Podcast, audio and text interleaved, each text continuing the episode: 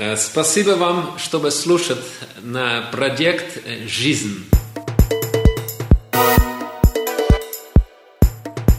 Welkom bij de Project Leven Show, podcast over peak performance, lifestyle, biohacking, training, crossfit, dieet en supplementen, quantified self, nootropics, duursport, apps, sketches, flow, singularity, spiritualiteit, technologie, smartworks, wearables, seks, ijszwemmen en nog veel meer. Mijn naam is Peter Joosten.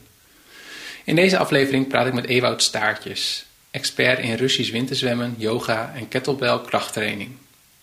Hierom moet je luisteren. Hoe hij yoga, kettlebell en winterzwemmen gebruikt om gezond te blijven.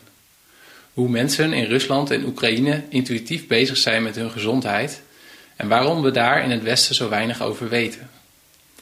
Hoe kijkt hij naar de politieke ontwikkelingen en hoe verhoudt zich dat tot de Russische en Oekraïnse samenleving? Als bonus deelt Ewout aan het einde van het interview zijn ochtendritueel. Een onderdeel daarvan is Shivambu, iets wat ik zelf nog niet eerder heb geprobeerd. Persoonlijk vond ik het een gaaf gesprek. Ewout en ik kennen elkaar al wat langer en hij is heel open over wat hij doet en waarom hij dat doet. In deze podcast slaan we het eerste gedeelte over. We namen de podcast namelijk op in het centrum van Deventer. In het begin stonden de ramen nog open. Bij het bewerken van de audio merkte ik dat de achtergrondgeluiden te veel afleiding hadden van het gesprek. Daarom doe ik nu even de introductie van Ewout. Ewout heeft samen met zijn vrouw Loes een yogastudio in Deventer. Naast yoga geeft hij ook trainingen in kettlebell sport en winterzwemmen. In het voorgesprek hebben we het over hoe belangrijk geestelijke voeding is voor je gezondheid. Hij gebruikt hiervoor principes uit de Tibetaanse yoga, door jezelf te observeren in plaats van jezelf te veroordelen. We hebben het in het voorgesprek ook over Katja Schuurman, die ze in Rusland tegenkwamen en die daarom ook Russisch ijszwemmen heeft geprobeerd. Anyway, voordat we starten. Wil je meer weten over de Project Show? Ga dan naar www.projectleven.nl slash podcast. De show notes van deze aflevering kun je vinden op www.projectleven.nl slash ijszwemmen-podcast. Abonneer je op mijn nieuwsbrief door te gaan naar www.projectleven.nl. Je krijgt dan updates, gratis downloads, exclusieve video's en korting op evenementen. Podcast werd mede mogelijk gemaakt door superlifestylesummit.nl. Lezingen en workshops voor en over een super lifestyle, zoals voeding, slaap, stress en sport. Kijk ook op superhumanboek.nl, waar ik al mijn tips, hacks en habits voor optimale prestaties heb gebundeld in een boek. Wat ik ook leuk vind, is als je een review op iTunes achterlaat. Here we go.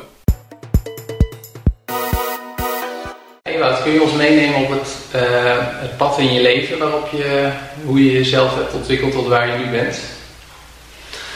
Uh, ja, ik zal een poging doen. Uh, bij mij ligt zeg maar een belangrijke start bij het feit dat ik een hele zwakke gezondheid had toen ik als kind.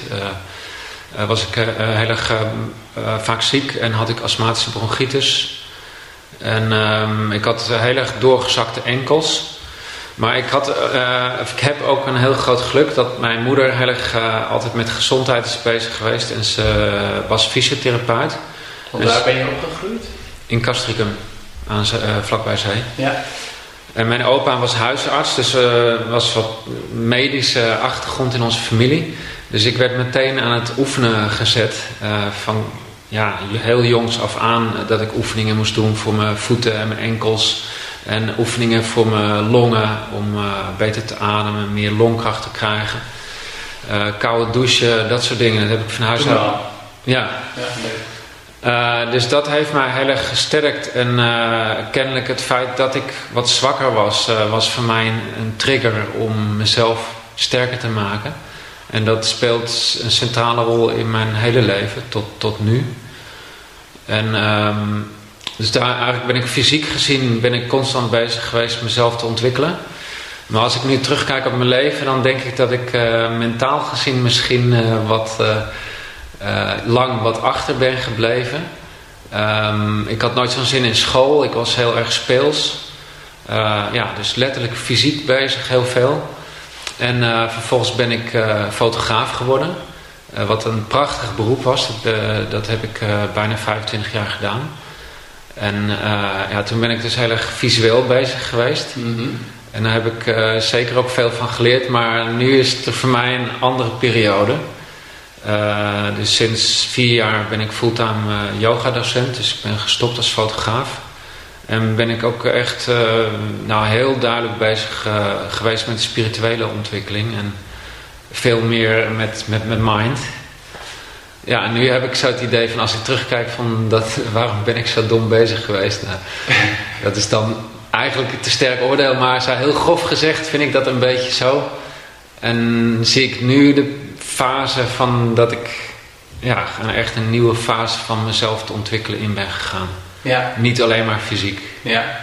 Nou, ik denk dat iedereen dat wel heeft. Ik heb dat soms ook wel eens met bepaalde dingen. Dat ik denk van, waarom heb ik dat toen zo gedaan? Of waarom heb ik niet eerder dat gaan doen, et cetera.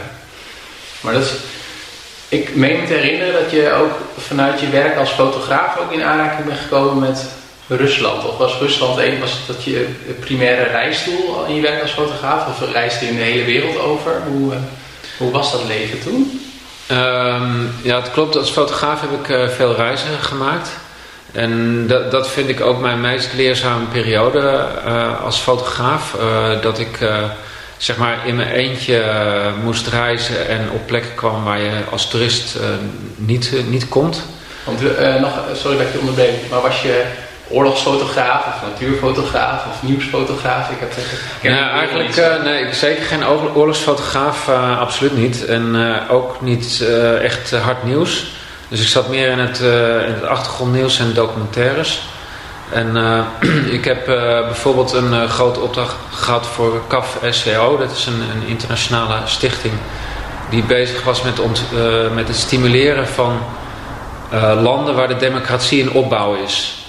En daar heb ik een aantal maanden heb ik gereisd in Afrika en Zuid-Amerika. En daar heb ik allerlei projecten gefotografeerd.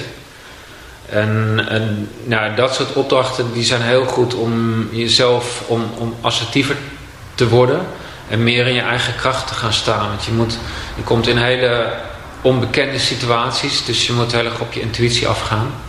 En veel met mensen omgaan. En ja, daar heb ik super veel van geleerd. En wat is de meest indrukwekkende ervaring? Of wat is het eerste waar je aan denkt als je aan die periode denkt? Denk je dan aan een bepaald land of een bepaalde situatie? Ja, dat is absoluut uh, Oekraïne. Dus dan kom ik in het Russisch sprekende deel van de wereld. En uh, uh, inmiddels sprak ik redelijk goed Russisch toen ik daar was. Dat was in 1996, nee 1995 ben ik voor het eerst in Oekraïne geweest. Met de auto ben ik door het land heen getrokken.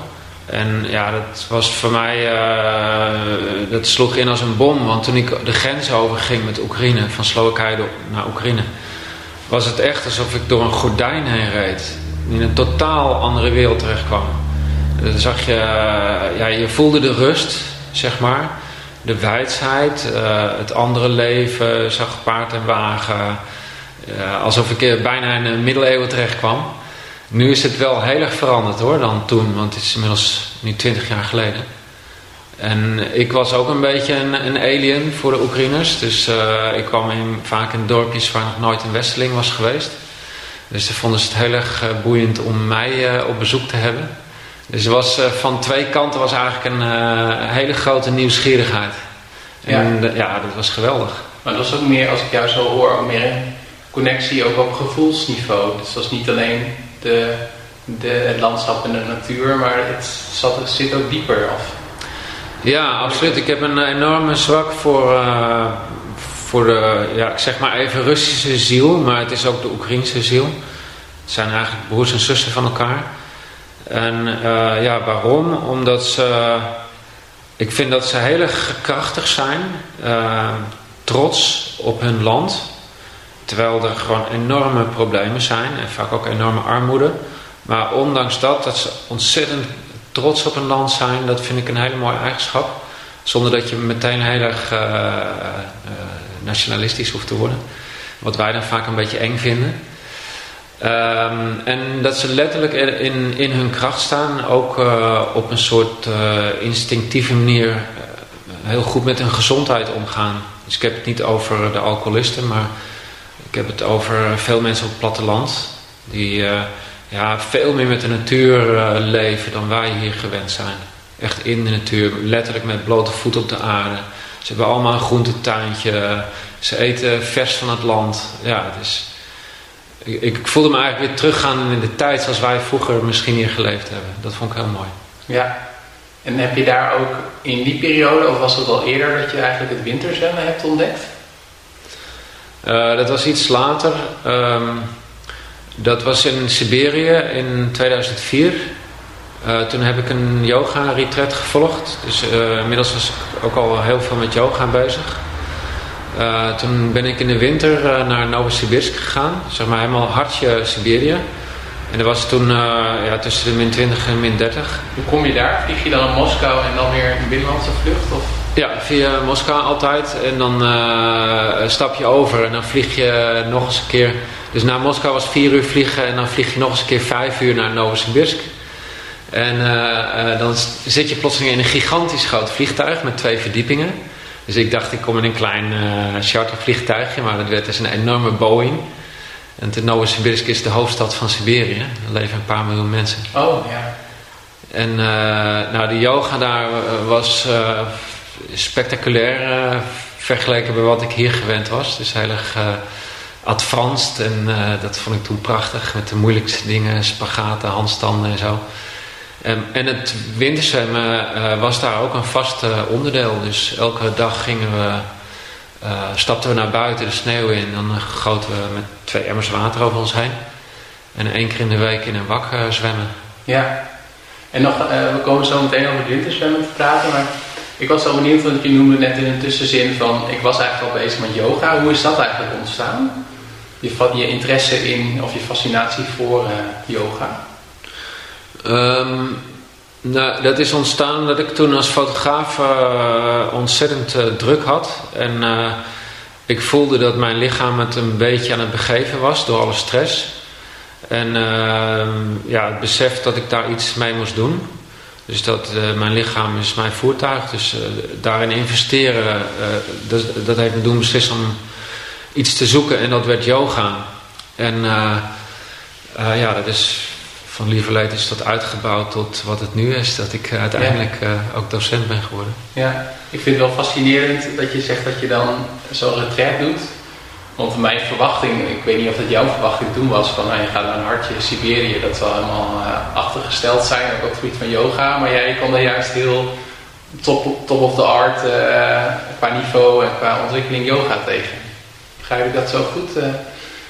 Ja, je bedoelt waarom Siberië waarom niet? Ja, waarom heb je toen die keuze uh, gemaakt? Nou, dat lag voor, de, voor mij voor de hand omdat ik uh, redelijk goed Russisch uh, sprak. En ik ben eerst gaan zoeken in Europa naar een yoga retreat. Alleen op dat moment, alles wat ik tegenkwam, vond ik te zweverig. Dus dan was het een combinatie van yoga en wandelen of yoga pottenbakken. Ik vond het te meditatief en ja, ik zat nog in dat hele fysieke stuk. Ik wilde gewoon echt lekker uh, aan de bak en uitgedaagd worden. En uh, toen dacht ik, nou, ik ga eens kijken op Russisch internet. Dus dan vulde ik gewoon in het Russisch in uh, yoga, reis, dus puteshestvet, yoga, zanyamatsa, ja, allerlei Russische woorden.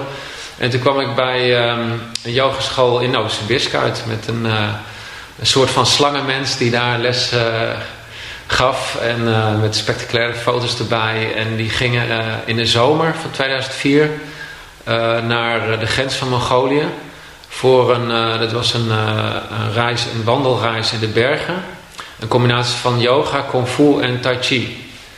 Nou, dat was helemaal mijn ding, want ik heb tien jaar kung fu gedaan. Dus ik dacht, dat is hem. Ik ja. ga daarheen. Ja, en toen tijdens die retreat ben je dan voor het, ook voor het eerst in aanraking gekomen met eigenlijk het winterzwemmen? Uh, dat was niet toen, want dat was in de zomer. Maar toen uh, uh, hebben ze me uitgenodigd in de winter te komen, een paar maanden. En daar ben ik op ingegaan. Dus toen ben ik die winter erop weer teruggegaan. Ja, en hoe was dat voor jou, de eerste ervaring? Uh, of had je gelijk zoiets van wauw? Of, ja, twee kanten. Aan de ene kant de yoga vond ik uh, geweldig. Uh, echt super gaaf, uh, spectaculair. eigenlijk alle dingen die hier een beetje vermeden werden, die werden daar juist wel gedaan. Dus de, vooral de moeilijke dingen. dat is natuurlijk best wel veel ambitie en ego, maar dat, dat vond ik toen erg leuk. En aan de andere kant vond ik het heel zwaar, omdat ik bij die yogaleraar in huis zat. En die had uh, misschien wel een vorm van yoga ADHD. Die was de hele dag bezig met oefeningetjes. Uh, als hij zat in de, in de bus, dan was hij weer met zijn handen was die bezig. En met de bushal te wachten, dan uh, ging hij op één been staan. En op een gegeven moment was ik er zo moe van, van constant bezig zijn. Dat ik echt zo, alsjeblieft laten we even een keer niks doen. Of even rustig zitten, theetje drinken. Dus dat vond ik zwaar. Ja. ja. Maar ik heb er heel erg veel geleerd. Het is ja. wel eigenlijk de basis van onze hele studio, die is daar gelegd. Ja. In die periode. Ja. ja. En uh, wanneer kwam, kwamen de kettlebells uh, in zicht? Uh, dat is veel later gekomen in 2007. Uh, ik, ik kende ze natuurlijk al uit Rusland van mijn reizen. Maar eigenlijk niet meer als een ding wat de, de deuren openhoudt op het platteland. Mm -hmm. En uh, op dat moment had ik nog nooit ook een Rus gezien die er echt een goede techniek mee deed. Dus ze deden eigenlijk alleen maar een soort dumbbell uh, techniek mee. Maar toen zag ik in Nederland dat uh, Overload, of hoe heette ze toen, Kettlebell Association, die begonnen voor het eerst met een cursus in Nederland te geven. En daar heb ik meteen voor ingeschreven. Ik dacht van nou, ik wil heel graag weten hoe het ding werkt. Want ik kan het misschien als aanvulling bij onze yoga gebruiken. Ja. En zo is dat uh, begonnen eigenlijk. Ja. En um, nou, toen uh, was ik gefascineerd door, uh, door dus, ja, zeg maar, de, de interesse was gewekt. De cursus had ik gedaan. Maar toen had ik het idee van, ja, er kan meer mee. Ik wil weten hoe die Russen ermee werken. En toen ben ik speciaal voor de kettlebell eerst naar Wit-Rusland gegaan. Uh, toen heb ik uh, Wit-Russische kampioenen hier uitgenodigd voor een, een, workshop. Dat was in 2010. De eerste workshop in Nederland die gegeven werd uh, op het gebied van kettlebell sport. En toen ben ik naar Oekraïne gegaan en naar Siberië ook voor cursussen. Zo, ja. Dus ja, ik heb het geprobeerd helemaal uit te diepen zoals de Russen het doen. En ik heb de Russen ook hier uitgenodigd. Ja. Dus Anton Anasenko, een wereldkampioen uit Rusland, is hier geweest. Ja, want je hebt zelf ook meegedaan aan WK's en je hebt NK's gewonnen, toch? Nou, WK's niet. ja, internationaal gezien stelt het helemaal niks voor uh, wat ik doe, maar uh, in Nederland is het allemaal heel klein. En uh, ja, ik heb vorig jaar heb ik het Nederlandse kampioenschap mogen winnen. met wel een heel klein deelnemersveld. Maar ik ben er toch wel trots op, want ik heb er flink hard voor getraind. Ja. Ja. Want je hebt uh, drie vormen, toch? De clean, de snatch en de long cycle. Klopt dat? Of? Uh, ja, de jerk, de snatch en de long cycle. En uh, traditioneel gezien horen de jerk en de snatch bij elkaar in de biathlon. Dus dan start je met de jerk en dan doe je later de snatch op ja. één dag. Ja. En ik ben toen kampioen geworden in long cycle met twee kettlebells van 24 kilo. En dan is het 10 minuten lang zoveel mogelijk herhalingen maken. Nou ja, 24 kilo voor een paar, voor een paar swings al, uh, uh, al pittig. Want uh, ik vroeg me af, ehm, wat, klopt het verhaal dat de Amerikanen, want je hebt de, de Russische kettlebell swing en de Amerikaanse. En de Amerikaanse die gaan helemaal omhoog. Met hun armen als het ware hè, verticaal langs het lichaam omhoog. En de, en de Russische swing gaat eigenlijk tot, tot, tot voor je ogen. Klopt het verhaal dat de uh, Amerikanen de Amerikaanse swing gingen doen omdat ze gewoon hoger wilden komen dan de Russen? Of is dat een uh, broodje aap verhaal? Uh, dat weet ik niet, maar ik, ik kan wel er iets over zeggen. De Amerikaanse swing, dus dat je hoog swingt, is, de, is een hardstyle swing. Mm -hmm. dus je, je, gebruikt iets meer kracht. En ook als de bal terugvalt, dan komt er wat meer spanning op je, op je rug te staan. En de Russen die gebruiken een zachte stijl, wat typisch is voor kettlebell sport. Dus ze gaan eigenlijk heel ontspannen, gaan ze heen en weer pendelen. En traditioneel gezien heb je dan eigenlijk meer met een wat lagere swing te maken. En wat dan in feite de hoge uh, Russische swing is, dat is de snatch. Dus dan snatch je helemaal overhead en dan zet je je arm, uh, fixeer je dan. Ja. ja. En ja, wat dat betreft heb ik uh, Russen nooit Amerikaanse stijl zien doen. Nee. Ik weet dus niet of dat klopt, dat verhaal. Het zou best kunnen hoor. Dat er, dat. Het is misschien wel een leuk verhaal. Ja, het zou me niks verbazen. Ja. ja, ja. Het is eigenlijk de, de, de zachte stijl is de meest efficiënte manier en technisch gezien ook moeilijker. Terwijl de harde stijl is wat onbenulliger. wat meer blessurerisico. Ja. En ja, zoals de naam het al zegt, is iets zwaarder voor je lichaam. Daardoor ook minder lang vol te houden. Ja. ja. Ja, een van mijn voorbeelden op het gebied van persoonlijke experimenten en biohacking is Tim Ferriss. En die is groot fan van de, de swing eigenlijk als manier om heel, binnen relatief korte tijd heel sterk te worden. Dat het gewoon een hele efficiënte oefening is, omdat je gewoon heel veel spieren tegelijk pakt. In, en dat het relatief, uh, zeker als je goede techniek doet, dat het weinig, uh, niet, niet blessuregevoelig is. Ja. ja, ik denk ten, ten dele is dat waar. Uh, ik denk dat ten eerste is het heel erg belangrijk dat techniek gaat voorbelasten. Dus techniek, goede techniek is een voorwaarde om te gaan belasten. Dus als je techniek goed is, dan mag je zwaar gaan belasten. Dan kan je dus ook een harde stijl gaan doen, zoals die Amerikaanse swing. Dus uh, als dat het geval is, dan is het goed, uiteraard. Ja. Als je maar weer op tijd stopt, want je, je kan minder lange sets gaan maken. Ja. In de zachte stijl kan je hele lange sets gaan maken. Je hebt zelfs marathons van een uur. Dan moet je niet uh, in die harde stijl gaan doen. Nee. Dus ja, je moet het in verband zien. Ja, ja. Ja, ik vind het heel gaaf uh, die combinatie van, uh, van yoga en kettlebell en winterzwemmen. Um, want om daar weer naar terug te gaan naar het winterzwemmen. Wat hebben Russen met winterzwemmen? Want je hebt ook uh, walrusclubs noemen ze dat. Kun je dat ja. in iets van een context geven? Nou, ten eerste... Um, ja, winterzwemmen is eigenlijk één van de methodes in Rusland. Ik kan beter zeggen van koude baden in Rusland. Dat zit in de genen van de Rus. Dat is zo ontzettend oud. Het heeft vooral te maken dat uh, de, de sauna in Rusland is in feite een douche. Dus wat wij hier hebben als badkamer, als douche, dat hebben de Russen, vooral op platteland, hebben ze een sauna van oudsher. En daar hoort een koud bad bij. Dus het zit echt in de genen van de Rus.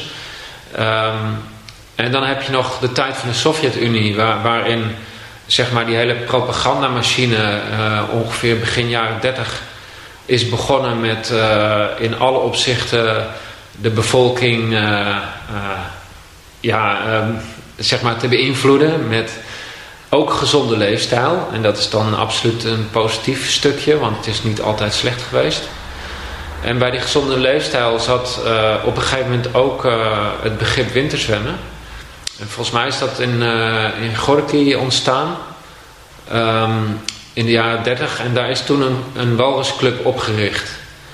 En uh, ja, vanaf die tijd zijn zeg maar, overal zijn die clubs gaan opploppen door het hele land heen. En op dit moment is het zo dat uh, zeg maar elke stad en ik denk ook wel elk uh, klein stadje een walrusclub heeft in Rusland. Het is zo ontzettend groot dat naar schatting er zijn, zijn er anderhalf miljoen Russen die in clubverband wekelijks gaan zwemmen in een wak. Dus anderhalf miljoen Russen. En dan heb ik het nog niet eens over alle Russen die thuis uh, uh, met hun emmertjes bezig zijn en zelf uh, een rivier in springen. Ja. Dus het is heel groot daar. Ja. ja. Want dat, het, het principe van een walrusclub is dat het een soort van vereniging is waar je dan één of twee of drie keer per week in een bak gaat zwemmen. Zeg het zo goed? Ja, het is een een club uh, waar er, uh, ze hebben altijd wel een vaste plek waar ze hun eigen bak hebben. En uh, ja, afhankelijk van de grootte van een vereniging en hoe fanatiek ze zijn, dan de ene club die heeft bijvoorbeeld één keer in de week maakt zijn bak open. er zijn er heel veel clubs die doen het drie keer in de week. Ik ben in Omsk geweest bij een club die deed het dinsdag, donderdag, zondag. Maar je hebt ook hele grote clubs. Bijvoorbeeld in Moskou zit een van de grootste. Die hebben dagelijks een bak open. En bijvoorbeeld Lipitsk heb ik een keer gezien, want ze hebben nu ook allemaal websites.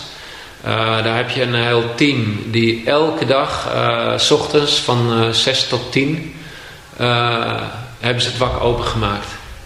Dus ja, dat is gewoon waanzinnig. Ja. En, en wie, wie, doen daar dan mee? Zijn het mannen of zijn het vrouwen en kinderen en opa's en oma's? Iedereen, het hele gezin. Ja, iedereen. Het is echt van jong tot oud. Er worden kleine kinderen meegenomen, uh, ja, tot en met uh, opa's en oma's van dik in de tachtig. Iedereen die, eh, die doet het. Ja. ja. En waarom is het zo goed voor je, winterzwemmen? Nou, als ik het heel kort moet omschrijven, want er gebeurt ontzettend veel met je lichaam in koud water, maar uh, de essentie zit hem wel in het shock-effect. Dus dat het gezond is voor je lichaam om af en toe even een kort moment van stress te hebben. En dat komt omdat we ons lichaam eigenlijk nooit in onze huidige manier van leven in het Westen um, ons lichaam altijd in comfortzone zit. Dus altijd warme kleren, warme huizen, warm bedje. En af en toe even je lichaam een opdonder geven is uh, super goed voor je systeem. En is de sleutel, misschien wel de enige sleutel om je immuunsysteem echt uh, wakker te schudden. Ja. Dus ijskoud water. Ja, want uh, toevallig had ik het daar in de vorige podcast ook over. Uh, nummer 17 met Ralf Moorman. Het, het, het, principe wat ik ook probeer toe te passen in mijn eigen leven is hormesis. Misschien heb je er ook wel eens van gehoord. Maar dat is inderdaad het prikkelen van je lichaam. En dat kan met kou. Het kan ook door af en toe een maaltijd over te slaan of een high intensity workout. Ja. af en toe korte prikkels eigenlijk aan je lichaam te geven. Ja. Ja, want, jij, want het schokeffect, want, dat, want ik heb bij jou een cursus winterzwemmen gevolgd. Voor meer informatie ook winterzwemmen.nl als mensen daar meer over willen weten. Um, dat was voor mij wel een van de grootste lessen, denk ik. Van dat je helemaal niet uh, een kwartier uh, in, in een ijsbad hoeft te, te zitten. Dat klopt, hè? Dat, het gaat om het schokeffect vooral. Ja, dat is absoluut zo. Wat je zegt is, is een hele goede vraag. Want uh, in Nederland is eigenlijk... ja, door de enorme media-aandacht ligt de aandacht, vind ik, te veel op de jubelverhalen... Uh, het is natuurlijk ook heel mooi. Dus het is ook gigantisch gezond. Alleen er wordt vaak vergeten te vermelden dat het ook een heel groot gevaar in zich kan hebben als je te lang erin gaat. En omdat nu alle ogen gericht zijn op de meest extreme winterzwemmer ter wereld, Wim Hof, denkt iedereen dat, dat dat de norm is. Alleen Wim Hof, wat, hij doet, is ontzettend knap. Maar wat hij doet is wel het resultaat van ruim 30 jaar lang trainen. En uiteraard zullen het ook genen zijn, want het is heel bijzonder wat hij doet. Maar dat betekent wel dat je ontzettend op moet passen als je ermee begint, dat je dat niet na gaat doen. En ja, ik, ik, hoop ook dat Wim Hof de beginners daarin goed begeleidt, want hij heeft daarin een enorme verantwoordelijkheid. En dat laat ik ook al mijn cursisten altijd duidelijk blijken van een kort ijskoud bad is super gezond. Maar te lang kan super gevaarlijk zijn. Want die twee liggen eigenlijk dicht bij elkaar. Uh, het is zo gezond omdat het een levensbedreigende situatie is voor je lichaam. Dat betekent dat je lichaam heel effectief, effectief in het korte moment gaat reageren. Als je te lange belasting hebt, dan wordt het levensbedreigend. En ja, daar kan ik niet genoeg voor waarschuwen, want onderkoeling is iets heel gevaarlijks. Ja. Ja. En het is ook in bepaalde situaties, dus uh, er zijn contra-indicaties waarbij je niet mag gaan winterzwemmen. En ook de constitutie van ben jij een heel stevige persoon, heb je aardig wat onderhuidsvet, of ben je heel slank. Als je heel slank bent, dan mag je gewoon minder lang erin. Dat zijn hele simpele uh, waarheden. Ja, en die contra-indicaties, wat voor dingen zijn dat? Nou, dat is ten eerste uh, als je hartklachten hebt. Dus dan, dan kan het water, eh, ijskoud water kan natuurlijk een trigger zijn dat er, dat er iets misgaat als je al klachten hebt op dat gebied. Dus dan moet je echt heel veilig gaan winterzwemmen of ja, eerst met je arts in conclave of het überhaupt mag voor jou. de tweede is klachten bij de nieren. Dus de, nieren zorgen ervoor dat, dat stresshormonen vrijkomen. En als dat proces niet goed werkt, dan uh, reageert je, je, lichaam minder goed op die kou. Dus er komt er minder cortisol of minder adrenaline vrij. De schildklier, die speelt een belangrijke rol. Um, dus als je een te traag werkende schildklier hebt, dan kan het zijn dat je veel te gevoelig voor kou bent. Dus dat is een contra-indicatie. En uh, ja, verder, als je heel erg verkouden bent, mag je het niet doen. En bij open wonden, uh, dat soort eigenlijk logische dingen. Oh ja, en een hele belangrijke nog epilepsie. Dus uh, de kou kan ook een trigger zijn om een epileptische aanval te krijgen. Ja, ja. Dat zijn eigenlijk de belangrijkste. Ja.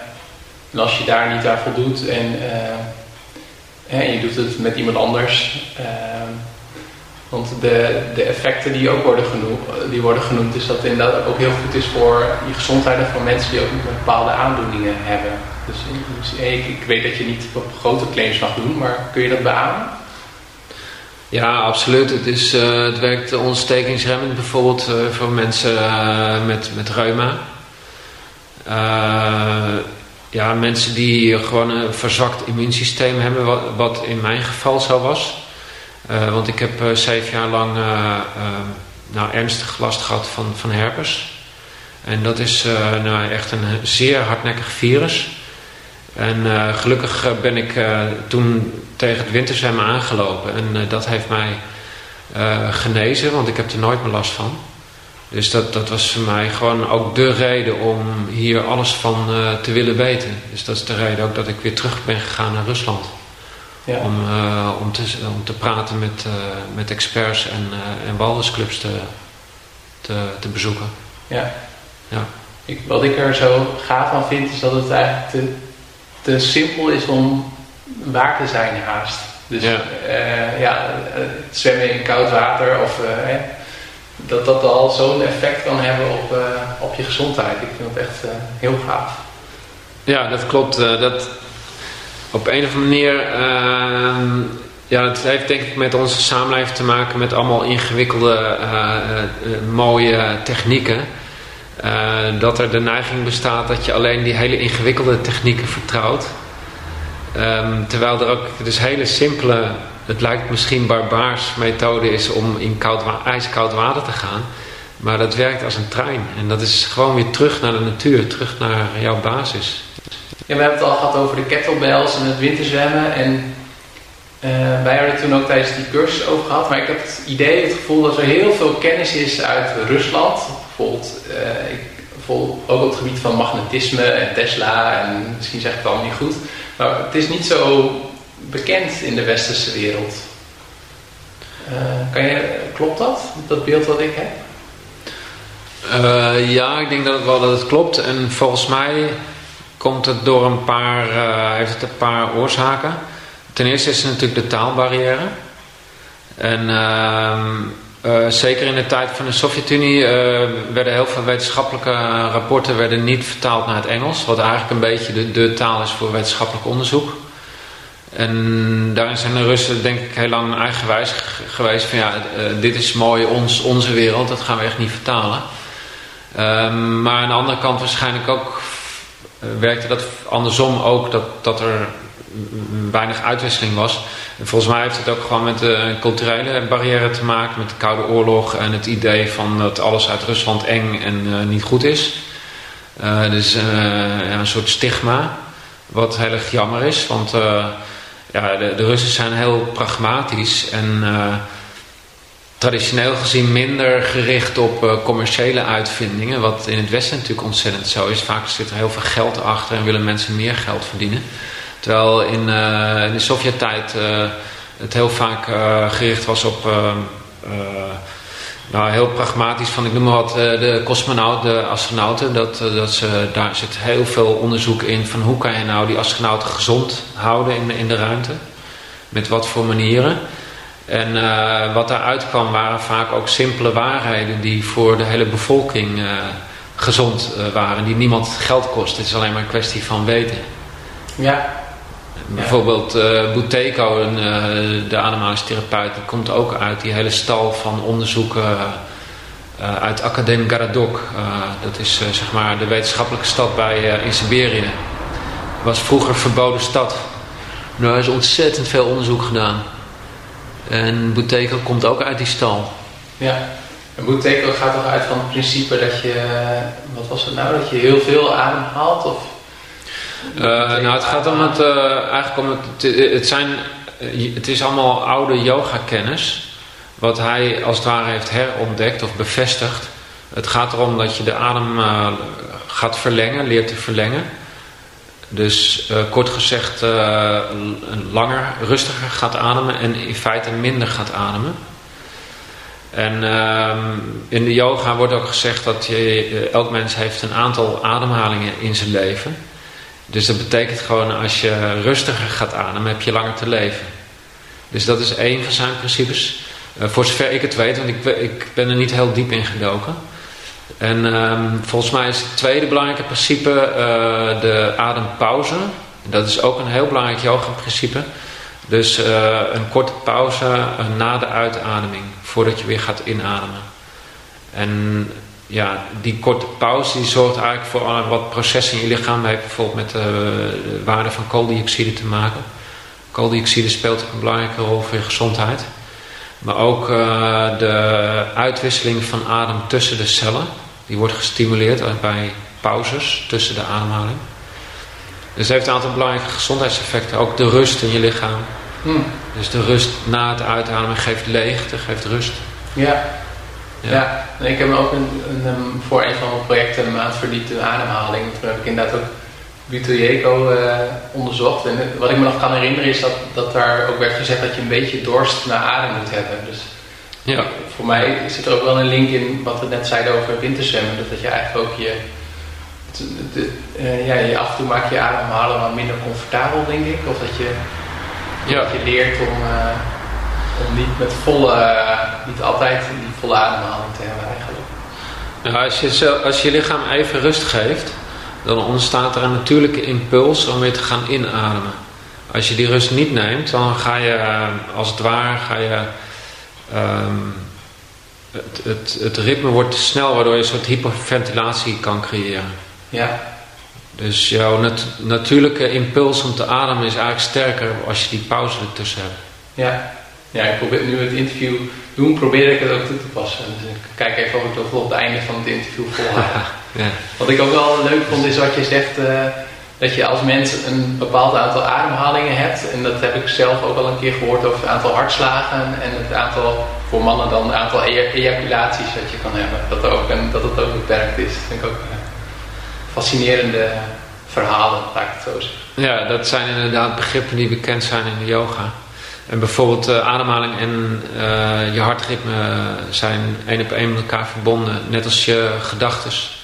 Dus als je adem tot rust brengt, dan word je ook rustig in je mind.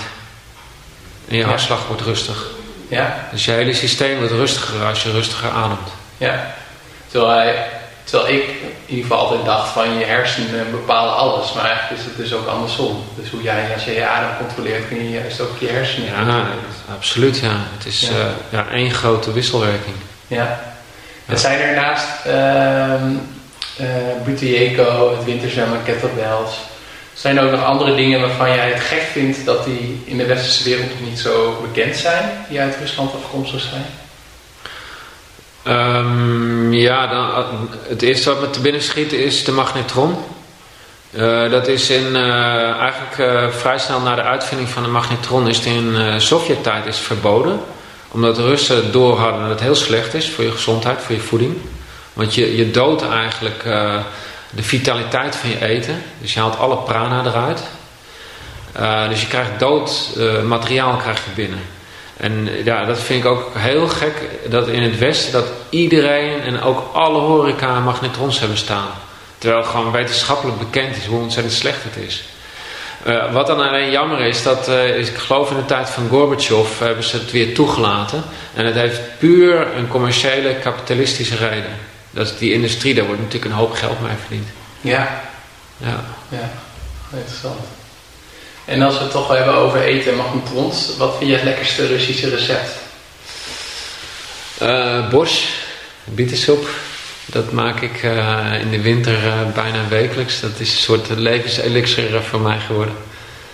Ja, maar dus ik vind heel veel gerechten in Rusland lekker. bijvoorbeeld uh, is heel lekker. Dat zijn gevulde koolbladeren met uh, rijst en gehakt en tomatensaus. En ik vind lekker de blinchiki, de pannenkoekjes, flensjes eigenlijk. En dan uh, vind ik het super lekker, dat is een combinatie die je niet zo vaak ziet in Nederland, is uh, met fijn gestampte maanzaad, honing en zure room. Oké. Echt super lekker. Hoe heet dat? Uh, blintjiki. Oh, dat is blintjiki. Dat is uh, flensjes. Ja.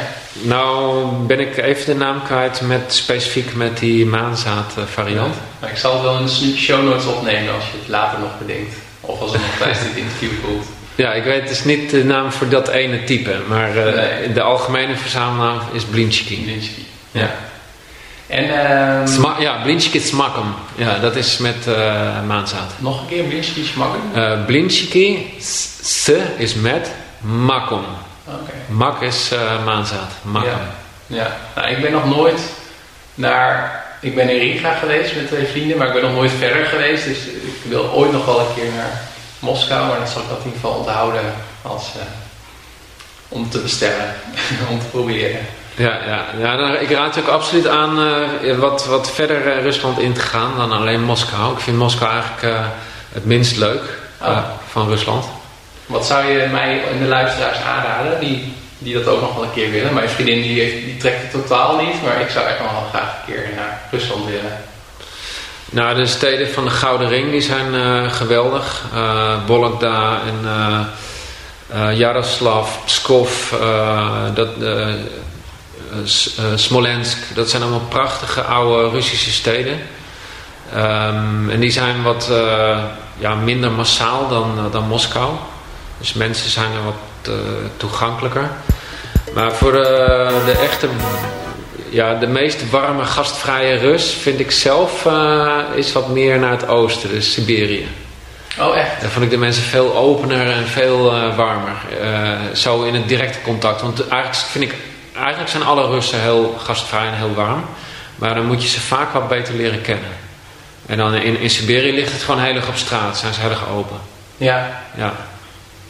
En hoe kijk je aan um, tegen uh, de Russische politiek? Heb je daar een mening over? Uh, ja. nou ja, laat ik ten eerste zeggen dat ik uh, niet geloof in, een, in welke integere overheid dan ook. Dus ik vind uh, dat Amerika minstens uh, zo fout kan zijn als, uh, als Rusland. Dus natuurlijk worden in Rusland ja, foute beslissingen genomen in, in politiek. Maar ja, voor mij is het gewoon belangrijk is de Rus zelf. ik, ik hou me niet met politiek bezig. En ik, ik betreur het heel erg dat er, dat er vreselijke dingen zijn, zoals een oorlog in, in Oost-Oekraïne en, en zo'n MH17 is natuurlijk rampzalig. Maar ja, de gewone rust die heeft daar natuurlijk niks mee te maken.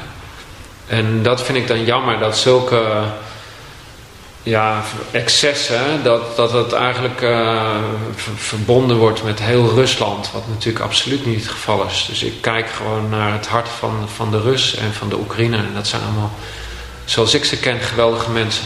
Ja, ja. ja ik kan me wel voorstellen dat het zeker, waar we het interview mee begonnen, ook met jouw kennismaking met de Oekraïne, wat je daarover vertelde, dat het, uh, ja, wat er nu gaande is, dat het wel uh, pijn doet. Of dat het, ja, heel erg, ja, absoluut, ja. Ja. ja, ik vind het uh, diep triest. Ja. En zeker ook omdat ik, ik heb uh, zowel veel Oekraïnse als veel Russische vrienden. En ik weet hoe ongelooflijk nauw ze met elkaar verbonden zijn. Deze twee volken het zijn gewoon broers en zussen. En er zijn overal familiebanden. Er zijn Russen met Oekraïnse, Oekraïners getrouwd en vice versa. Uh, heel veel gemengde gezinnen.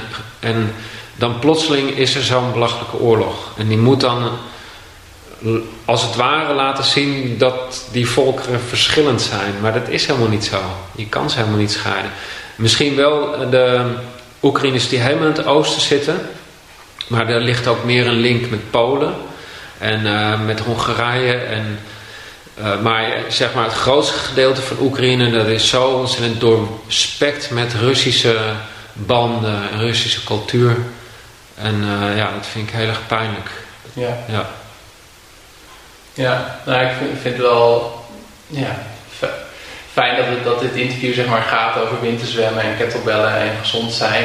Maar ja, ik vind het ook heel boeiend om wat meer over Rusland en Oekraïne te weten. En dat je daar wat meer context kan geven rondom al die geopolitiek die er speelt. Dus ik vind dat zelf heel erg interessant. Om op die, uh, ja. En dat geeft mij ook meer context rondom juist dat winterzwemmen en die andere dingen waar we het over hebben gehad. Ja, kijk, ik vind, er mag ook wel eens een ander geluid zijn als ik dan, nu laat ik me toch iets, een klein beetje verleiden om iets over politiek te zeggen. Maar in sommige opzichten ben ik het met de Russen eens dat uh, het veel te ver gaat dat, dat er een Amerikaanse invloed is in Oekraïne. Want de Amerikanen willen overal willen ze zich mee bemoeien. En ook heel graag willen ze invloed in Oekraïne hebben. En eh, dat hele gebied van de NATO, dat willen ze maar uitbreiden. En dat is, in, dat is een, een uh, dolksteek in de rug van de, van de Russen dat dat gebeurt. In het land van hun broers en zussen.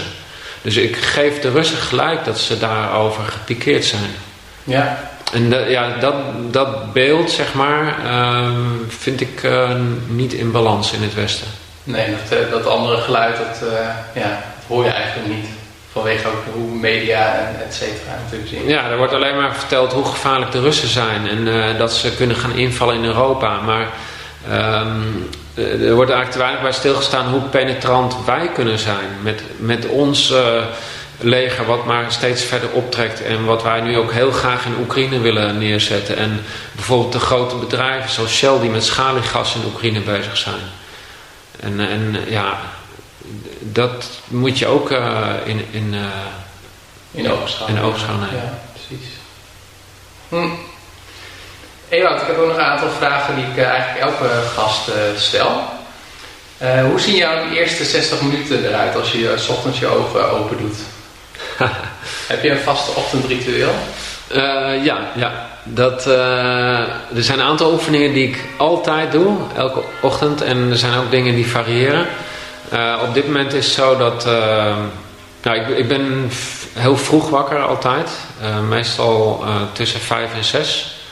En dan sta ik op. Het eerste wat ik doe is citroensap.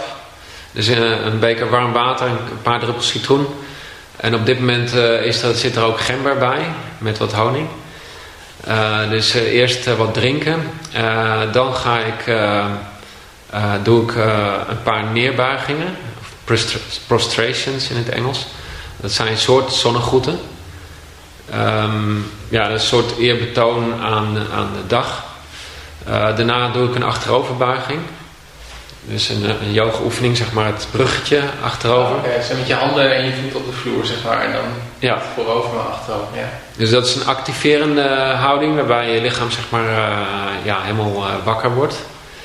En uh, dan op dit moment doe ik veel Mayurasana, dus de, dat is de, de pauw van de yoga. Dan sta je alleen maar op je handen. Oh. Dus dan leun je met je buik um, op je ellebogen. Ja. En dat, dat is niet alleen maar een trucje, een leuk trucje, maar het is een uh, hele belangrijke energetische oefening in de yoga.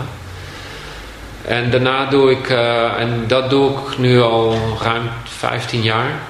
Uh, doe ik uh, Nauli Kriya, dat is een oefening waarbij je je buikspieren uh, laat rollen en je organen masseert. Dus, ja. ja, dat zijn de belangrijkste oefeningen. Dat combineer ik met een ademhalingsoefening. Zo, ja. Ja, wel, wel, wel tof. Want ik kan me, als ik om half zes ochtends opsta, kan, lijkt het me behoorlijk pittig om een, bijvoorbeeld een bruggetje te doen. Maar ik kan me wel voorstellen dat je dan al direct in één keer klaar wakker bent. Ja, nou, toen ik ermee begon was het pittig, maar inmiddels als je dat al jarenlang doet, dan wordt het uh, makkelijk. Ja. Dus. En wat heb je vanochtend uh, ontbeten of is je ontbijt het, uh, de citroensap? Oh nee, nee, nee, ik ben wel iemand die goed moet ontbijten. vanmorgen was dat havermout. Ja. Ja. Ja, dat is Ton Leners, die was in podcast nummer 7, is ook een groot fan van havermout. Dus, oh ja, ja, dat is heel goed voor je darmen en... Ik, doe het met, ik maak nooit met, uh, ik drink geen echte melk, dus ik maak het met rijstmelk of met water. Ja. ja, en dan ben je klaar om de dag te starten. Ja, ja, zeker. Heb jij, uh, nou ja, heb jij een gewoonte, afgezien van die we hebben besproken, die andere mensen bizar, raar of vreemd vinden? uh, of laat ik me anders stellen, waar krijg je de meeste reacties op? Ja, ik, ik kan wel wat zeggen waar mensen van heel erg van zullen schrikken. Dat heb ik nu niet genoemd uh, bij mijn ochtend, maar dat is ook een belangrijk ochtendritueel voor mij. Dus ik doe uh, uh, Shivambu. Dat is urinetherapie. Oh. Dus ik drink mijn eigen ochtendurine. En nou ja, dat klinkt heel erg raar voor mensen die daar niks van weten. Maar je urine is steriel, zolang je geen medicijnen gebruikt of geen alcohol drinkt. En uh, is een hologram van je lichaam in feite. En super geneeskrachtig. Dus, uh, en dat, dat is ook kennis uit de yoga en uit de Ayurveda. En dat is, uh, ja, voor je hele systeem is het geneeskrachtig en het is goed voor je immuunsysteem. En ik ben daarmee begonnen in die tijd dat ik zo'n last van mijn virus had, van het herpes. En dat heeft als eerste mij toen geholpen. En uh, uiteindelijk heeft het winterzwemmen dan het virus de das omgedaan. Maar deze therapie heeft daar ook een, een, rol in gespeeld. Ja. Maar het is die combinatie van winterzwemmen en Shimwambu. Ja, misschien wel. Misschien heeft dat ook wel een... Uh, heeft alles bij elkaar. Dus de hele yoga en mijn leefstijl. En dan was het winterzwemmen misschien wel de druppel ja. om mij te doen genezen. Ja, dat zou kunnen. Ja. Oh jeetje, nee, dat heb ik, nog, ik heb er wel eens eerder van gehoord. Maar uh, ook in een, uh, in een documentaire. Ik vind het wel heel interessant. Wat is het, uh, ja, ik misschien een hele domme vraag, maar ik ben heel geïnteresseerd in de, in de praktische dingen. Hoeveel is het dan? Is het gewoon één glas of is het een beetje voldoende? Ja, ik denk dan, het gaat om het middenstuk noemen ze dat. Mm -hmm. Dus je moet eigenlijk je totale hoeveelheid urine op gevoel in drieën delen. Mm -hmm. Dus op gevoel het eerste een derde, dat plas je uit. Yeah. Het, het middelste stuk dat uh, ga je drinken en het laatste stuk plas je ook weer uit. Ah, okay. Dus dat, um, mijn gevoel is redelijk goed daarin. En dan de ene keer is het wat meer dan de andere keer. Dus het hangt er vanaf. De ene keer is het een half glas, en de andere keer is het bijna een heel glas. Ja. ja. Oh, ja. En dan is het ook de... Mensen denken, ja, die vinden het natuurlijk heel erg eng. En die denken dat het heel vies is. Maar als je gezond eet, dan is het, kan ik zeggen dat het bijna als bouillon smaakt. Oké. Okay. Maar als je een keer alcohol hebt gedronken of veel vlees hebt gegeten, dan wordt het heel erg, uh, kan het heel erg vies en bitter worden. Ja. Ja. ja. Nou, ik ben heel erg open-minded. En, uh, maar dit, toen ik dit voor de eerste keer hoorde, toen dacht ik van, nou, dat zou ik nooit doen. Maar nu ik het van jou hoor, denk ik van, nou, misschien moet ik het maar gewoon een keer proberen. Ja, als je er meer vanaf wil weten, Koen van der Kroon, die heeft daar twee boeken over geschreven. Ja. Dat is een docent uh, Ayurveda, Ayurveda. Dat is zijn grote specialiteit. De yoga-dokter noemt hij zich, geloof ik, ook sinds kort. Mooie naam. Maar hij weet daar heel veel van. Hij heeft mij in zijn boeken geïnspireerd om daarmee te beginnen. Ja. ja. En wat wilde je worden toen je vroeger klein was? Toen je in Castricum woonde? Nou, iets heel anders. ik wou binnenhuisarchitect worden. Oh, die heb ik nog niet gehoord. Belachelijk beroep voor een klein jongetje. Geen, uh, geen piloot of zo, maar... Nee. ja. ja. Maar weet je nog hoe dat kwam? Of was het gewoon... Uh... Nee, ja, volgens mij omdat ik veel tekenen. En op een gegeven moment begon ik met, uh, met huizen te tekenen. Ook inrichting van huizen. En toen kwam ik plotseling op dat idee. Ja, ja. ja.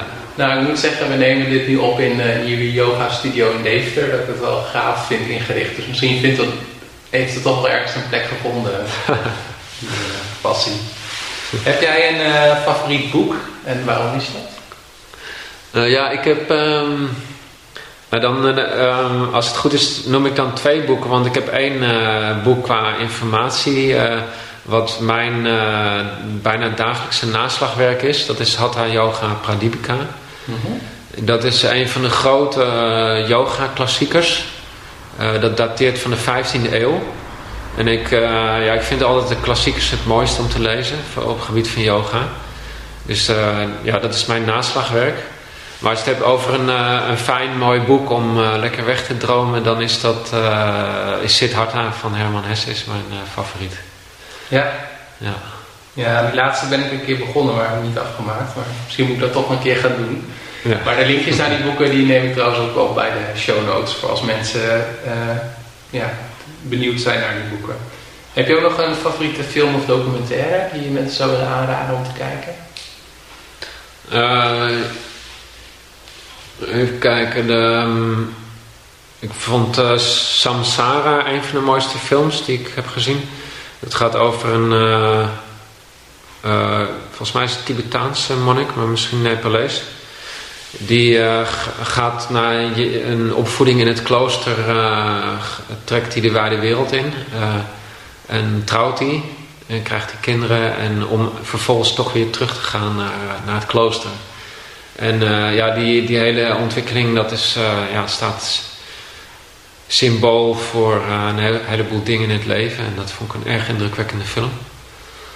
En als je het hebt dan over minder spiritueel, minder serieus, dus de fun, vind ik de mooiste film De Bruiloft, een Russische film. Over een bruiloft in een mijnwerkersdorpje. Swaitba in het Russisch. Swaitba. En is die ook beschikbaar met Engelse ondertiteling of Nederlands? Nou ja, hij is ooit op de Nederlandse tv geweest. Maar gek genoeg kan ik hem maar niet vinden op dvd. Eh, nee. Dus uh, ergens moet hij zijn, maar... Uh... Nou, ik ga mijn best doen en een linkje opnemen als ik hem kan vinden. De Bruiloft. De Bruiloft, ja. Ja. ja. En van boeken en films en documentaires naar online... heb je ook favoriete websites, blogs of podcasts die je graag kijkt of luistert? Nou, eigenlijk ben ik niet zo'n blogvolger. Maar eigenlijk de enige blog waar ik af en toe op kijk, dat is leefbewust.com. Mm -hmm. Dat is ontzettend uitgebreid. Er staat zoveel uh, in en er is altijd wel iets wat, wat, wat inspirerend of super boeiend is. Ja. ja. En ehm, gedurende het interview hebben we al, hebben we al wat, wat concrete dingen besproken die mensen kunnen doen voor hun gezondheid of hun geluk. Maar als je nog één ding zou willen meegeven aan mensen als ze klaar zijn met het luisteren van, dit, van deze podcast, wat zou dat dan zijn? Um, stop met tussendoortjes en gebruik de tussendoortjes als moment om te drinken. Dus om je lichaam te hydrateren. Dat is uh, mijn belangrijkste gezondheidstip. Waar ik zelf veel baat bij heb dat mensen in de algemene zin ook niet voldoende gehydrateerd zijn? Of is het juist het meer stoppen met die tussendoortjes? Nou, in alle opzichten. Kijk, um, ten eerste is het goed om jezelf een beetje te disciplineren wat eten betreft. Want uh, iedereen is zo ontzettend gewend om overal maar eetprikkels uh, om op te volgen. Dus overal op straat is eten. En uh, je systeem voortdurend belasten met voeding is gewoon niet goed. Je, je, je, je organen hebben ook eh, hun rust nodig. En de tijd om even eh, eh, te, schoon te maken. En dat is juist de tijd om even te drinken, om te hydrateren. En dan water drinken, of water met een beetje citroensap, of met wat zout, of met wat gember. Ja. En dan gaan je cellen dat echt opzuigen. Maar als je voortdurend uh, drinkt en eet, dan hydrateer je minder goed. Ja. En je verteert ook minder goed als je te veel drinkt met het eten. Ja, precies. Ja. Dus uh, je kan het beste dat echt scheiden. Interessant. En dat is, dat is dan ook weer uh, kennis uit de Ayurveda en uit de yoga. Ja. Ja, mijn volgende vraag is van hebben we nog iets gemist in, het, in dit interview? Maar volgens mij kunnen we nog een tweede interview hebben over Ayurveda en alle andere dingetjes die we kort hebben toegelicht. Maar als er nog dingen zijn, zijn er nog dingen waarvan je denkt van nou ja, dat zou ik echt nog willen benoemen? Of denk je dat we al een redelijk goed beeld hebben van de dingen die jij belangrijk vindt in je leven en waar die ervoor staan? Um, ja, volgens mij hebben we wel een aantal belangrijke dingen ja. behandeld. Uh, Wat vond jij van het interview? Ja, erg leuk. Um, wat ik al zei, uh, um, het, het, helpt mij ook weer dingen op een rijtje te zetten en uh, mijn bewustzijn te vergroten over mijn eigen leventje. En uh, ja, dat vond ik erg leuk om te doen. Ja. Ik hoop dat, dat ik hiermee anderen ook iets wijzer kan maken met een enkel ding. Ja, nou je hebt in ieder geval mij weer wijzer gemaakt. Dus, en dat denk ik de luisteraars ook. Want om mee te beëindigen, als mensen hier meer over willen weten, um, waar ben jij of winterzwemmen of, studie, of de studio te vinden op internet en social media? Nou, elke afdeling heeft zijn eigen Facebookpagina. Dus wij zitten alleen op Facebook, ik gebruik geen uh, Linked. Dus we zijn te vinden bij Yoga Dynamica, bij Winterzwemmen en Kettlebell Sport. Dus we hebben allemaal specifieke namen ervoor. Al deze kennis, zeg maar, die kunnen wij kwijt op een prachtig mooi moment, dus Loes en ik. dat is onze retreat in Rusland. En daar geven we een retreat yoga en ijszwemmen op een waanzinnig mooie locatie in de bossen boven Sint-Petersburg. En dat is een retreat van vijf dagen. En daar uh, doen we dan een combinatie van uh, Tibetaanse yoga met uh, ijszwemmen in een bak, in een prachtig meer. En als mensen meer willen weten over de kosten, de logistiek, et cetera, waar kunnen ze dat dan vinden?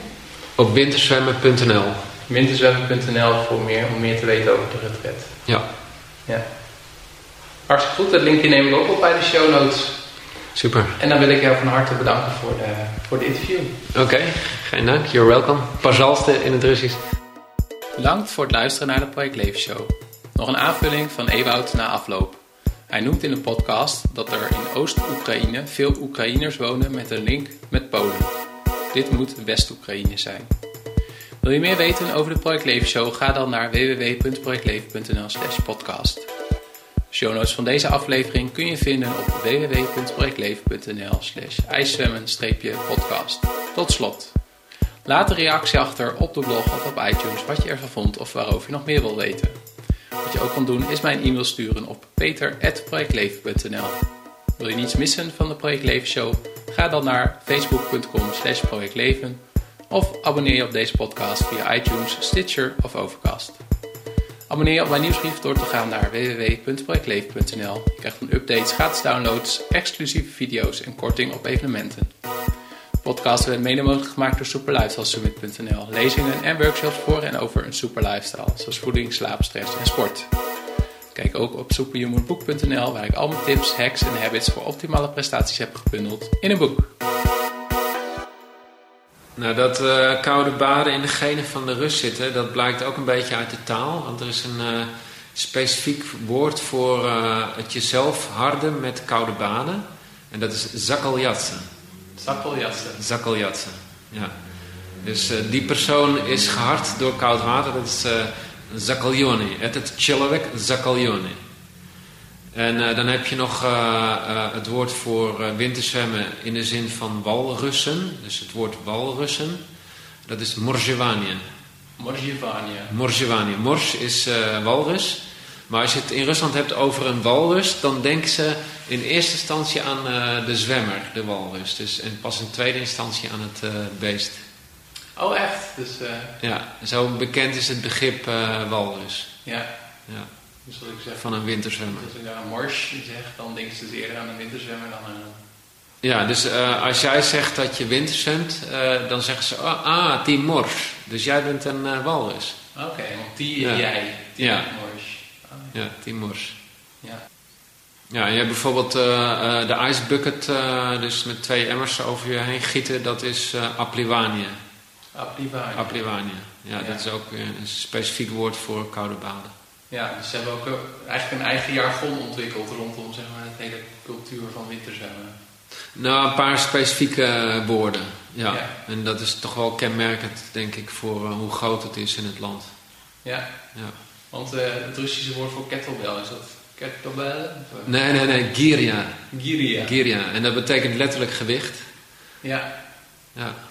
Oké. Okay. Giria. Girovoy sport is kettlebell sport. Ah, oké. Okay. Giria. Ja, het komt wat meer vanuit de buik, uh, vind ik. Uh, met die, uh, die, klanken. Die, het zijn van die mooie diepe klanken.